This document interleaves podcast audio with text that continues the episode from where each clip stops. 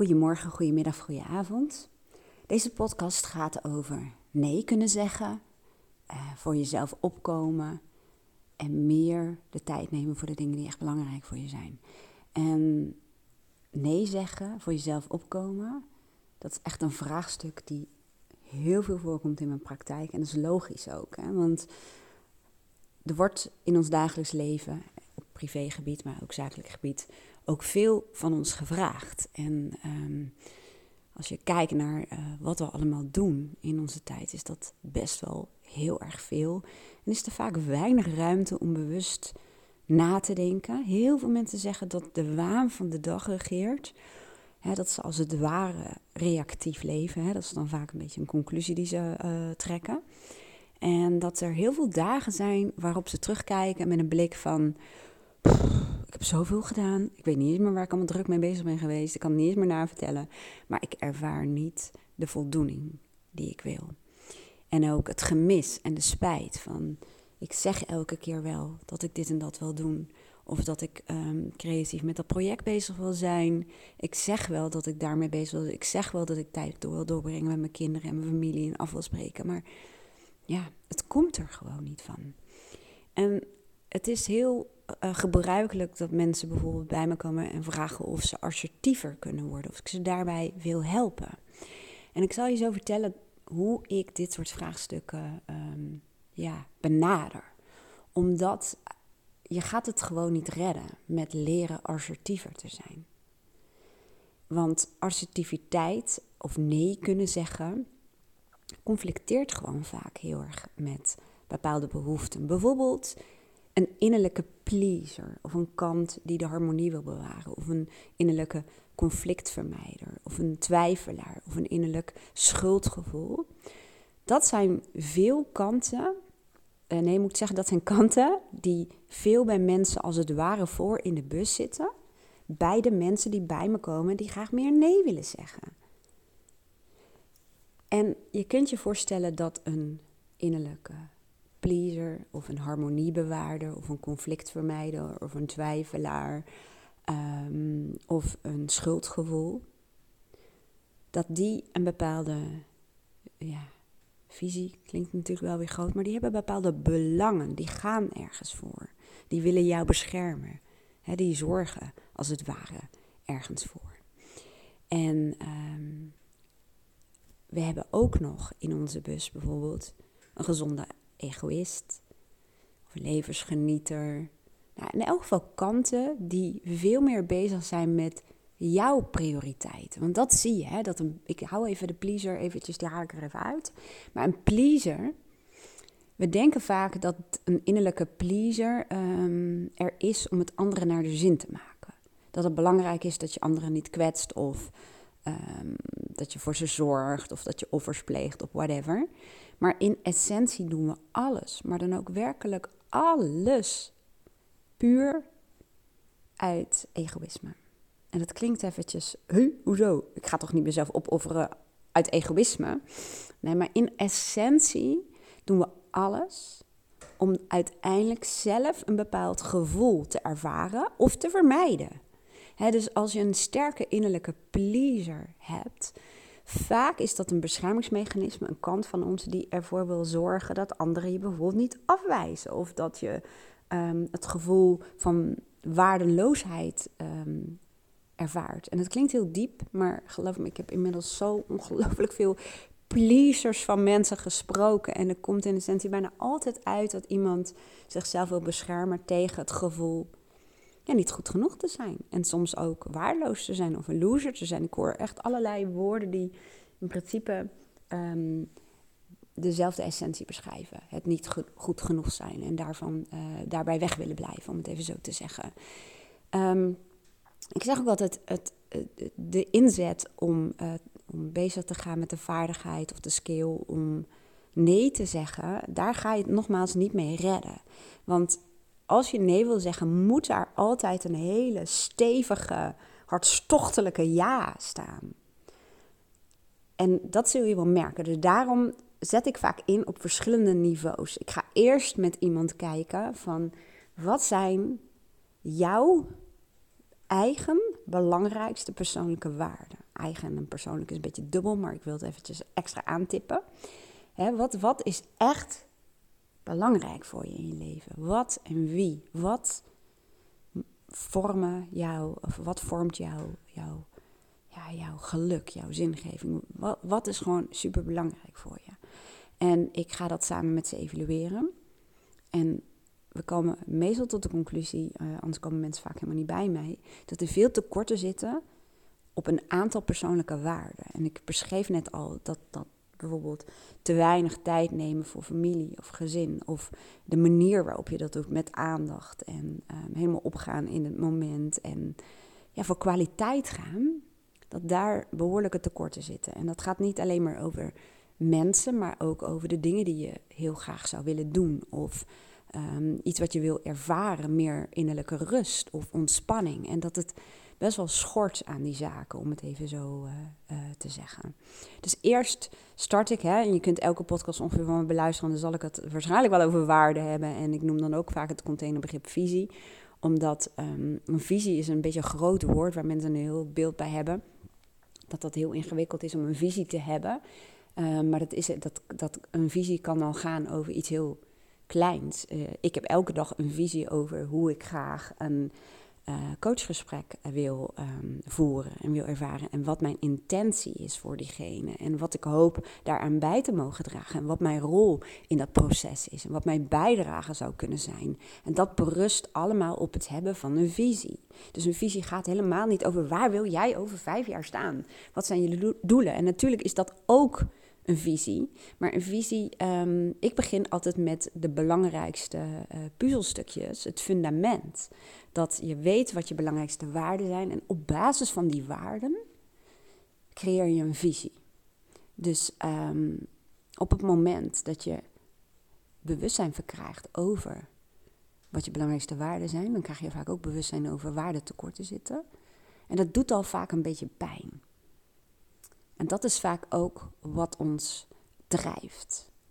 je hebt twee bronnen van motivatie. De eerste is dat het urgent is en dat het pijn doet. En dat, het, dat er noodzaak is. Dat je zoveel last van iets hebt dat je wel in beweging komt. En dat je dus wel nee kunt zeggen, of vaak zelfs nee moet zeggen. Want als je bijvoorbeeld te lang je gezonde egoïst, dat is een beetje de tegenovergestelde van de, de pleaser, de gezonde egoïst is in essentie eerst bezig met zorgen voor jouw belangrijkste persoonlijke waarden en behoeften. En die is er ook op uit om verbinding met de ander te houden, om betrokken te blijven bij de ander. Maar die zorgt wel voor dat wat belangrijk is voor jou. Die gaat dus niet in de offers zitten en te veel voor de ander doen en, en, en redden en jezelf verliezen. En de grondleggers van Voice Dialogue, waar ik het nu over heb, die zeggen ook, die hebben een speciaal boek daarover. Um, van elkaar houden zonder jezelf te verliezen. En dat gaat niet alleen over liefdesrelaties, maar dat gaat wel over wat een gezonde egoïst doet. Die, is niet, um, die laat zich niet leiden door de waan van de dag. Die is veel uh, bewuster en veel strategischer. En doelgerichter. En het klinkt zakelijker, maar dat is wel wat maakt dat je je leven leidt op basis van je belangrijkste persoonlijke waarde. Maar ik zei al, als mensen dat vaak verwaarlozen, hè, dat deel van hun dat zorgt voor de waarde en dat zorgt voor die visie. Um, dan is het heel vaak dat het uiteindelijk vanzelf belangrijk wordt. Hè? Want ik begeleid zoveel burn-out trajecten. En dat is bijna altijd het gevolg. Hè? Er zijn ook bore-out uh, trajecten, is weer wat anders. Maar lijkt op elkaar. Maar het is bijna altijd het gevolg van te lang um, conform die uh, kanten zoals de pleaser, schuldgevoel, twijfel, de zorgzame, noem het allemaal op, het leven uh, leiden. Hè? Um, en ook soms een kant die uh, gehoorzaam is of vindt dat je gewoon je moet doen wat er van je verwacht wordt, dat soort kanten. Um, en die verwaarlozen dan, ik noem nu even een bijzonder de gezonde egoïst. En op een gegeven moment wordt het gewoon urgent. Of iemand wordt ziek of valt uit of um, je raakt overspannen of ervaart een burn-out of er is een relatiebreuk of hè, dat, dat een partner het helemaal zat is dat je gewoon onvoldoende aandacht hebt of dat er geen verbinding meer is, noem het maar op. En dat is natuurlijk niet een fijne plek of een fijn moment om, um, ja, om te veranderen. Want dat, dat, dat, dan is de energie vaak laag. Um, de helderheid is er vaak ook niet. Het is uh, vaak gebaseerd op angst. En heel vaak maak je dan keuzes die in het verlengde zitten van wat je al deed. En een andere motivatiebron is verlangen, passie, ja, het innerlijke vuurtje. En die hebben te maken met je waarden. En dat is wat ik bedoelde met als je nee wil zeggen, moet daar tegenover een hartstochtelijke ja staan. Want je weet wel waarschijnlijk uit je leven, en misschien kun je zelf wat uh, situaties bedenken waarin je dat zo ervaren hebt, dat als echt iets super belangrijk voor je is, dan heb je gewoon eventjes heel plat gezegd aan wat die ander op dat moment van jou wil. Maar er is er iets gewoon super belangrijk. En de dingen, um, dat, of de situaties zijn bijvoorbeeld als er iets is met een familielid. En um, waarvan je voelt, uh, ik wil daar gewoon heen. Hè? Of, maar ook zakelijk gezien, dat um, vaak de dingen die dan urgent zijn, hè, bijvoorbeeld een systeemuitval. Uh, stel dat je de hele tijd, de hele week al zegt, ik ben veel te druk voor allerlei uh, zaken om aan bepaalde dingen toe te komen. Of om me bezig te houden met um, ja, de automatisering bijvoorbeeld te vernieuwen.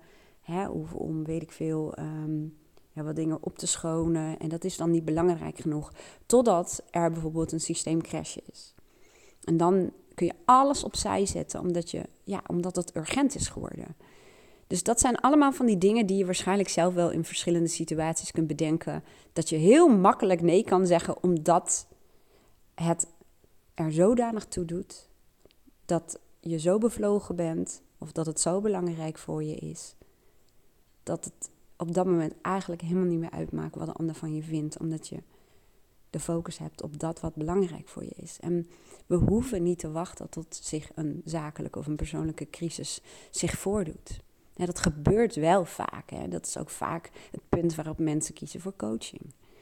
Um, maar je kunt het eerder um, in beweging zetten. En dat is een veel fijnere manier, want dan doe je dat veel meer vanuit verlangen en passie. En ik heb de laatste tijd vaak het zinnetje uh, genoemd die ik niet zelf heb bedacht. Ik weet echt de bron niet, sorry. Maar um, als je nergens voor staat, of als je nergens voor gaat, dan val je overal voor. En dan merk je ook dat als je dus niet zelf een helder beeld hebt van wat belangrijk is voor jou in je leven, op verschillende levensgebieden. Hè? Dat gaat dan ook over verschillende rollen die je hebt. Dat gaat over het stukje privéleven en wellicht het stukje zakelijk leven. Dat gaat over hoe je je vrije tijd wil besteden. Dat gaat over je relaties. Um, als dat voor jou niet helder is, wat belangrijk voor je is, dan val je ofwel voor de verzoeken van andere mensen, maar ook voor de meningen van andere mensen en dat wat ze mogelijk van jou zouden vinden. En ik zeg niet voor niets dat wat ze mogelijk van jou zouden vinden, omdat we heel vaak aannames doen over wat een ander van jou vindt en hoe diegene met jou bezig is. Waarbij in heel veel gevallen zitten we er A, hartstikke naast wat de ander denkt. En B, de ander is vaak helemaal niet zo intensief met jou bezig als dat jij zelf denkt. En dan is er nog een C van ja, oké, en what the heck. We hoeven niet um, gevoelloos te worden voor wat anderen mogelijk wel niet van ons zouden denken. Maar we maken dat vaak ongelooflijk belangrijk. Maar als je helderheid krijgt over je waarde en wat belangrijk is voor je leven, ga je merken dat dat soort zaken er vaak helemaal niet ertoe doet. Dat het helemaal niet relevant is. Kijk, ik weet dat er eh, heel veel mensen zijn die houden van mijn podcast. En dat krijg ik ook veelvuldig terug. Maar ik weet ook dat er mensen zijn die echt mijn podcast helemaal niets vinden. Of misschien zelfs wel dat ze er een bepaalde allergie bij voelen. En dat is oké. En dat komt omdat ik weet als ik een beetje um, in de midden ga zitten of concessies ga doen of uh, mezelf ga aanpassen aan wat ik denk dat anderen van mij willen dan haal ik de scherpte weg. Dan haal ik mijn ja, authenticiteit, is ook weer zo'n lekker fijn containerbegrip, uh, maar uh, toch, dan is mijn echtheid weg. En dan um, wellicht verbreed ik dan de doelgroep, om het zo te zeggen. Maar um, het zal veel minder impact hebben. Het zal veel minder verschil maken. Ik denk dat als je op een gegeven moment kiest voor waar je voor wil gaan en waar je voor staat en wat belangrijk voor je is, dan kan het inderdaad best wel zo zijn dat de mensen die um, echt een match zijn, of de situaties of de werkomgevingen of whatever, Ehm, daar voel je veel meer verbinding en veel meer bevlogenheid, om het zo te zeggen. En het kan ook zo zijn dat het contrast tussen de mensen die geen match met jou zijn, groter wordt. Want dat heb ik zelf ook in mijn eigen bedrijf gemerkt. Hoe meer ik als het ware ging kiezen en hoe meer ik ehm, liet gaan, hè, hoe, meer dingen ik zei van, nou dat is niet meer wat ik doe.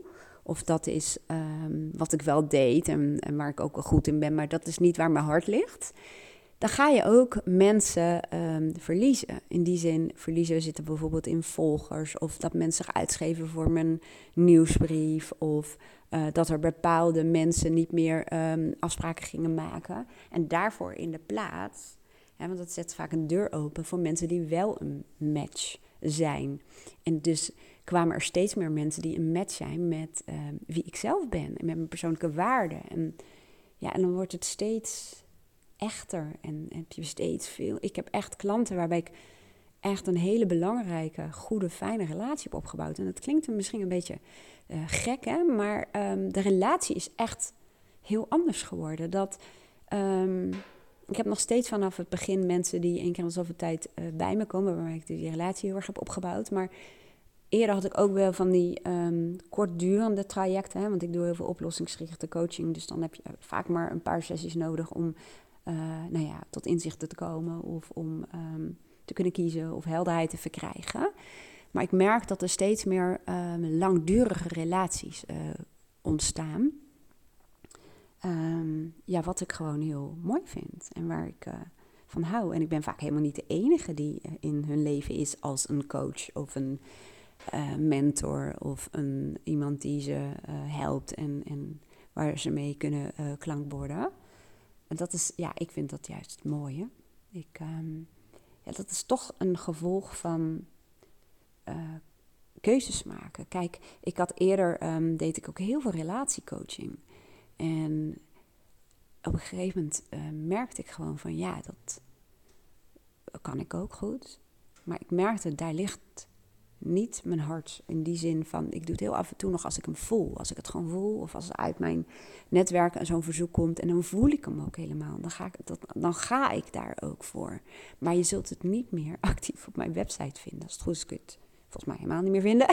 En de advertentie die ik destijds aan had staan voor Google, die heb ik ook uitgezet. En, um, en dat is ook iets van, ik kan wel ja zeggen de hele tijd, want er was ongelooflijk veel behoefte aan. Je wil niet weten hoeveel aanvragen ik kreeg en hoe, vaak dat, zo kon ik zien naar de tijdstippen waarop een afspraak werd ingeboekt, midden in de nacht was. Hè? Of, vaak op een crisismoment dat um, in veel gevallen, dat is mijn ervaring dan van mijn praktijk, de vrouw had gezegd dat ze er helemaal klaar mee waren en dat de man dan de afspraak maakte. Um, dus er is gewoon ongelooflijk veel vraag naar. En als ik ook kijk naar de meest beluisterde podcast gaat die bijvoorbeeld ook over scheiden of bij elkaar uh, blijven. Dus hè, het zou heel verleidelijk kunnen uh, zijn om ja te zeggen en nee te zeggen tegen anderen. Want op het moment dat ik daar ja tegen zeg, dan zeg ik natuurlijk nee tegen de vraagstukken um, ja, waar ik gewoon echt helemaal van hou om daarmee bezig te zijn. Het gaat natuurlijk niet alleen om de vraagstukken, maar ook vooral om de mensen die met dat vraagstuk zitten. Dus de enige reden waarom ik een nee kan zeggen daartegen en dus een ja. Nou ja, dat heb je maar al. Ik kan een nee zeggen tegen iets wat, um, wat ook nog eens behoorlijk lucratief is. Hè, want ik had ook een veel hoger tarief voor relatiecoaching. er is heel veel vraag naar. Um, ik kan ook echt daar verschil mee maken. Maar als je met je hart niet meer uh, voelt zoals je hem zou willen voelen, dan komt dat doordat er aan de andere kant een ja is, omdat je dat verlangen voelt, omdat je voelt wat nog veel meer een match is. Het verschil voor mij was ook dat dat op een gegeven moment voelde echt als sessies, als werken. En de gesprekken die ik nu heb, dat voelt gewoon als relaties, als een klankbord kunnen zijn, kunnen sparren, mensen kunnen helpen en um, een, ja, aan hun zijde staan. En uh, echt een diepe warme band voelen. En dat blijkt ook wel dat bijvoorbeeld al regelmatig met mensen bijvoorbeeld na een sessie even samen een wandeling maken. Die lopen dan met me mee om, om met de hond een stuk uh, te lopen. Omdat je gewoon een heel ander soort ja, band ontwikkelt. Of dat je met elkaar napraat en dat, ja, ik kan het niet goed uitleggen, maar die voel ik. En, um, en ook dat je weet dat in dat soort trajecten, dat je niet alleen maar um, een bijdrage levert voor degene die voor jou zit, maar ook voor de mensen daaromheen. Hè? Of ook in hun uh, business die zij bijvoorbeeld hebben. Ik heb ook veel ondernemers uh, die je coach. En ja, nou ja, die voel ik helemaal. En dat is dus waar ik een hartstochtelijk ja tegen zeg. En dit gaat heel erg, hè, ik richt me nu heel erg op, op, op uh, de coaching, maar ook privé. Dat als jij niet echt, ik noem het maar even hartstochtelijk, maar dat is misschien helemaal niet het goede woord, maar wel heel erg ja zegt tegen tijd doorbrengen met je dochter, of met je zoon, of met je partner, of met een vriend of vriendin, of met jezelf. Hè? Laten we die ook even niet vergeten. Ehm, dan zul je zien dat er altijd andere dingen komen die voelen als urgent en belangrijk. En dat is wat het ook is. We maken bepaalde zaken ehm, belangrijk omdat we de urgentie voelen, omdat het omdat het bijvoorbeeld is, iemand is die zegt van... Oh, wil je alsjeblieft vandaag voor mij uh, naar het contract kijken? Want ik heb een gesprek en ik ben bang dat er dingen in staan die niet goed zijn. En dus voor iemand is op dat moment dat belangrijk. En het wordt voor jou urgent door de druk die zij op dat moment uh, bij jou neerleggen. Door te zeggen dat ze diezelfde avond of die dag daarna een gesprek hebben. Of je het alsjeblieft nog even voor ze wilt doen. En we vallen daarvoor en we vergeten vaak dat ja, dat het eigenlijk ook wel een beetje jammer is dat als het echt heel belangrijk voor iemand is, dat ze het zodanig hebben laten oplopen dat het urgent wordt. En dat jij die druk voelt, hè, terwijl als je dat een week eerder had geweten, dan had je dat met liefde en aandacht uh, kunnen doen, maar wel op een moment dat het voor jou passend was. En dat is ook wat in het dagelijks leven vaak gebeurt. Dat we um, ons um, ja, genoodzaakt voelen, of dat we de druk voelen, dat we het gevoel hebben dat we niet anders kunnen, omdat die ander dan in een problemen komt. En uh, ja, dat, gaat, dat is vaak niet meer incidenteel, maar dat is elke dag vaak wel iets nieuws. Dat is ook wat mensen, ook in mijn online programma's, dat, dat zal die nuance tussen uh, mensen die bij mij een afspraak boeken of online programma doen, die, die is misschien ook wel leuk om nog even te benoemen. Zometeen doe ik dat dan eventjes. Maar uh, dat zie je vaak dat mensen zeggen van ja, maar en dan, als ik dan meer tijd, of als dat gedaan is, of als die drukte voorbij is, en dat als dan, hè, dat moment, dat komt vaak niet, omdat er continu weer nieuwe dingen zijn die je aandacht vragen. Of dat nou een, lekkende dakgroot is, of iemand is die een beroep op jou doet, of die vraagt of je wil helpen. Of dat nou een verhuizing of een contract is, of het oppassen, of nou whatever wat. Uh, leven uh, laat continu dat soort dingen uh, zien. En uh, jij bent degene die op een gegeven moment inderdaad uh, beslissingen moet nemen. Nou, en dat is dan het nuanceverschil misschien ook wel van wanneer doen bijvoorbeeld mensen bij mij een online uh, programma of een cursus. Hè, of gebruiken ze de tools die, die ik dan in mijn coachpraktijk en voor mezelf gebruik. Ik doe even mijn open hart weer even aan hoor. open. Maar um, het verschil zit er vaak in dat mensen maken vaak een afspraak bij mij persoonlijk. Op het moment dat ze al um, de urgentie voelen. En, uh, of een mega groot verlangen hebben. Hè? Want uh, veel van mijn klanten zijn gewoon mensen die niet per se een probleem hebben, maar wel heel duidelijk de behoefte en het verlangen om meer uit zichzelf in het leven of hun bedrijf te halen. Um, die voelen heel duidelijk verlangen om te groeien. Die voelen hun potentieel. Dat is vaak zo voelen dat er meer mogelijk is. En meer mogelijk heeft helemaal niet iets te maken met prestatie, maar meer mogelijk is ook heel vaak dat mensen zeggen van ik leef heel erg vanuit mijn hoofd. En ik leef heel erg vanuit het ene doel naar het ander. En die zijn bijvoorbeeld super succesvol. Maar die zeggen, ik zou meer van het leven willen genieten. Of ik zou meer um, um, voldoening willen ervaren. Of ik zou wat meer innerlijke rust willen ervaren. Of ik zou meer vanuit mijn hart willen leven. En dat is um, een, verlangen waarvoor ze bij me komen. En dat zijn vaak ook mensen die uh, veel willen investeren in tijd. Hè? Dat ze ook echt commitment hebben. Dat ze echt ervoor willen gaan. Ze maken er tijd voor. Ze doen het werk dat nodig is uh, tussen de sessies door. Um, ze zijn bereid om financieel te investeren. Dus dat is vaak een, een, een ja, een, een, andere drijfveer, om het zo te zeggen.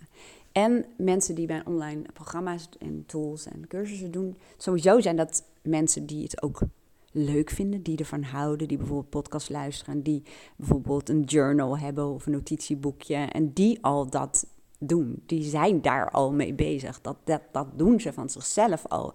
of ze maken notities, ze denken na, of ze hebben een bepaalde uh, methode om, um, ja, om, om hun gedachten helder te krijgen, of zichzelf te onderzoeken. Ze evalueren, ze reflecteren. Dus dat is al iets wat ze vaak van nature al doen.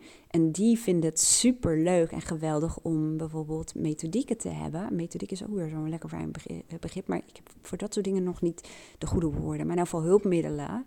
Oh, de wishlist bijvoorbeeld wordt heel veel gebruikt om helder te krijgen van um, ja, wat, wat, de visie is van mensen, wat ze graag willen, willen ervaren, of wat ze willen hebben, of wat ze willen bereiken, hoe ze zich willen voelen op verschillende levensgebieden, om het zo te zeggen. En dat is een hulpmiddel waar ik, dat is denk ik het meest um, enthousiaste middel, bedoel ik mee dat ik daar de meest enthousiaste, uitzinnige, vrolijke verhalen en appjes en mailtjes van krijg. Dat het, ja, ik weet niet hoe, ze, hoe ik het dan zou noemen, maar dat het gewoon kicken is, om het zo te zeggen.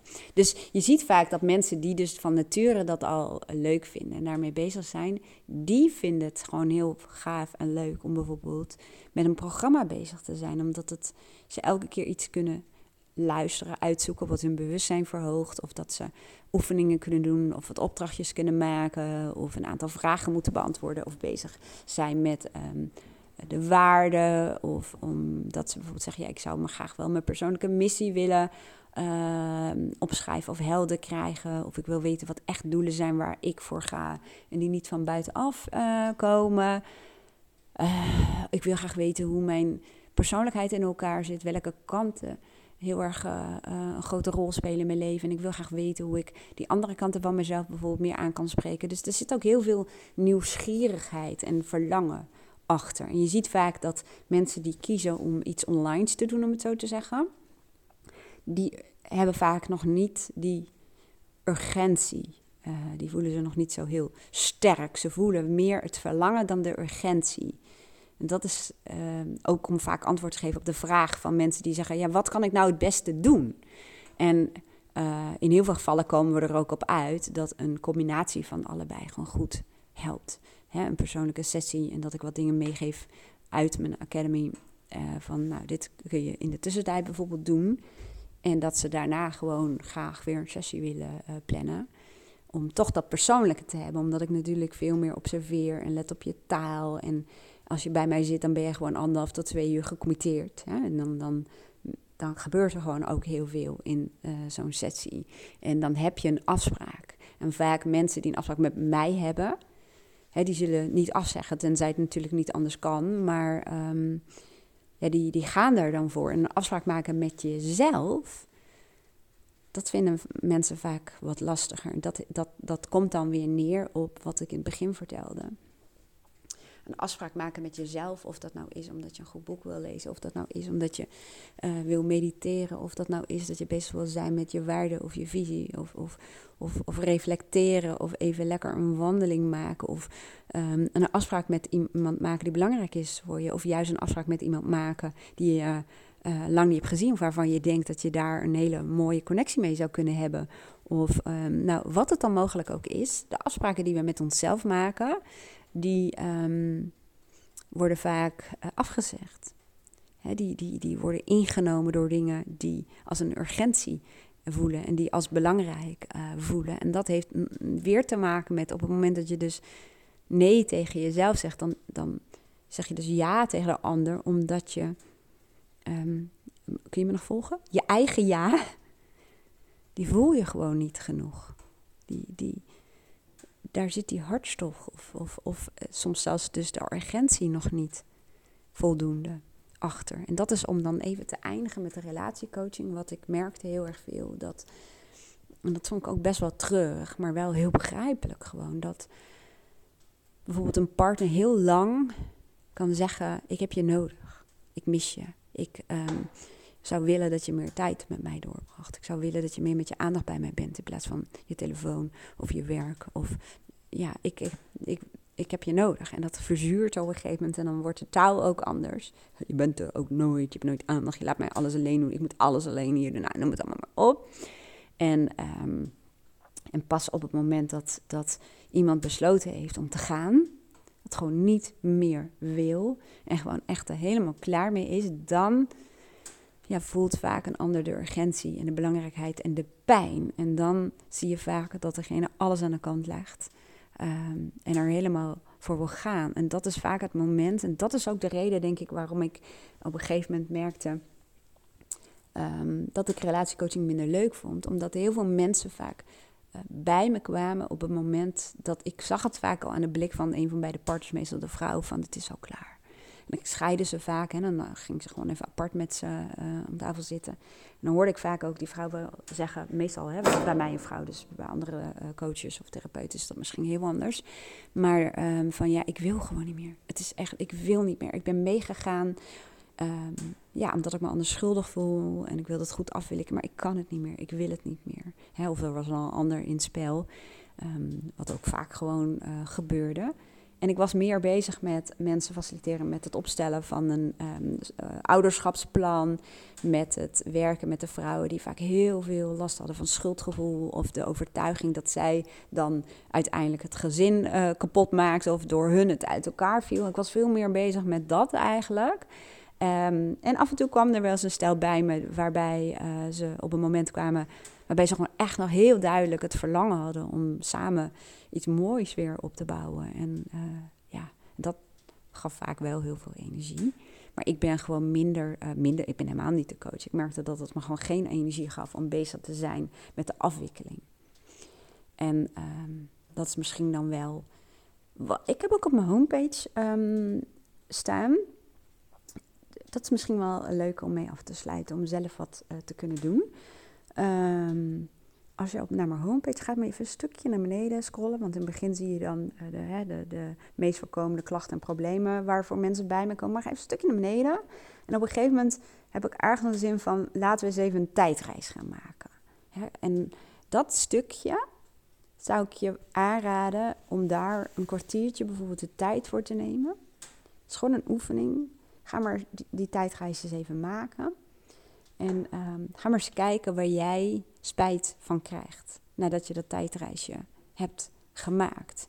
En vaak voel je hem dan gewoon wat meer. En is dat, die oefening op zichzelf al een manier om, um, ja, om, om, om de urgentie bij jezelf te vergroten. En het verlangen wat aan te wakkeren. Misschien geeft het je voldoende de helderheid om meer ja te gaan zeggen tegen jezelf en dat wat voor jou belangrijk is. En met als gevolg, als logisch gevolg, dan zeg je dus nee. Dat is dus niet een, iets waar je hard voor moet werken of wat moeilijk is, maar dat is een logisch gevolg, het nee zeggen. Dus ik hoop dat je daar wat aan kunt hebben. Ik gebruik mezelf ook uh, regelmatig om mezelf weer eventjes op scherp te zetten. Nou, ik hoop dat deze podcast uh, iets heeft bijgedragen aan wat er misschien op dat moment of op dit moment bij jou speelt. Um, ik wil je danken voor het luisteren naar mijn podcast. En uh, ja, ik vind het super leuk om van jullie zelf te horen hoe jullie um, ja, de, de podcast ervaren. En dus ik vraag jullie ook om een misschien beoordeling of een review achter te laten. Of om het persoonlijk even te laten weten. Want dat doen jullie wel uh, massaal. Maar blij zeggen om um, mijn podcast uh, te promoten, zeg maar. Heb ik ook jullie gewoon nodig. Dat jullie naast de berichtjes die jullie aan mij zelf sturen Um, wat gewoon superleuk is, omdat jullie daar vaak heel persoonlijk ook reageren. Maar heb ik het ook nodig dat jullie even de moeite nemen om een uh, sterretje bij Apple uh, Podcast of uh, Spotify aan te geven. In hoeverre jullie mijn podcast waarderen of niet. Hè? Want als dat niet zo is, dan laat het ook weten. Ik wens jou een hele mooie dag. En ehm, heel graag tot de volgende podcast.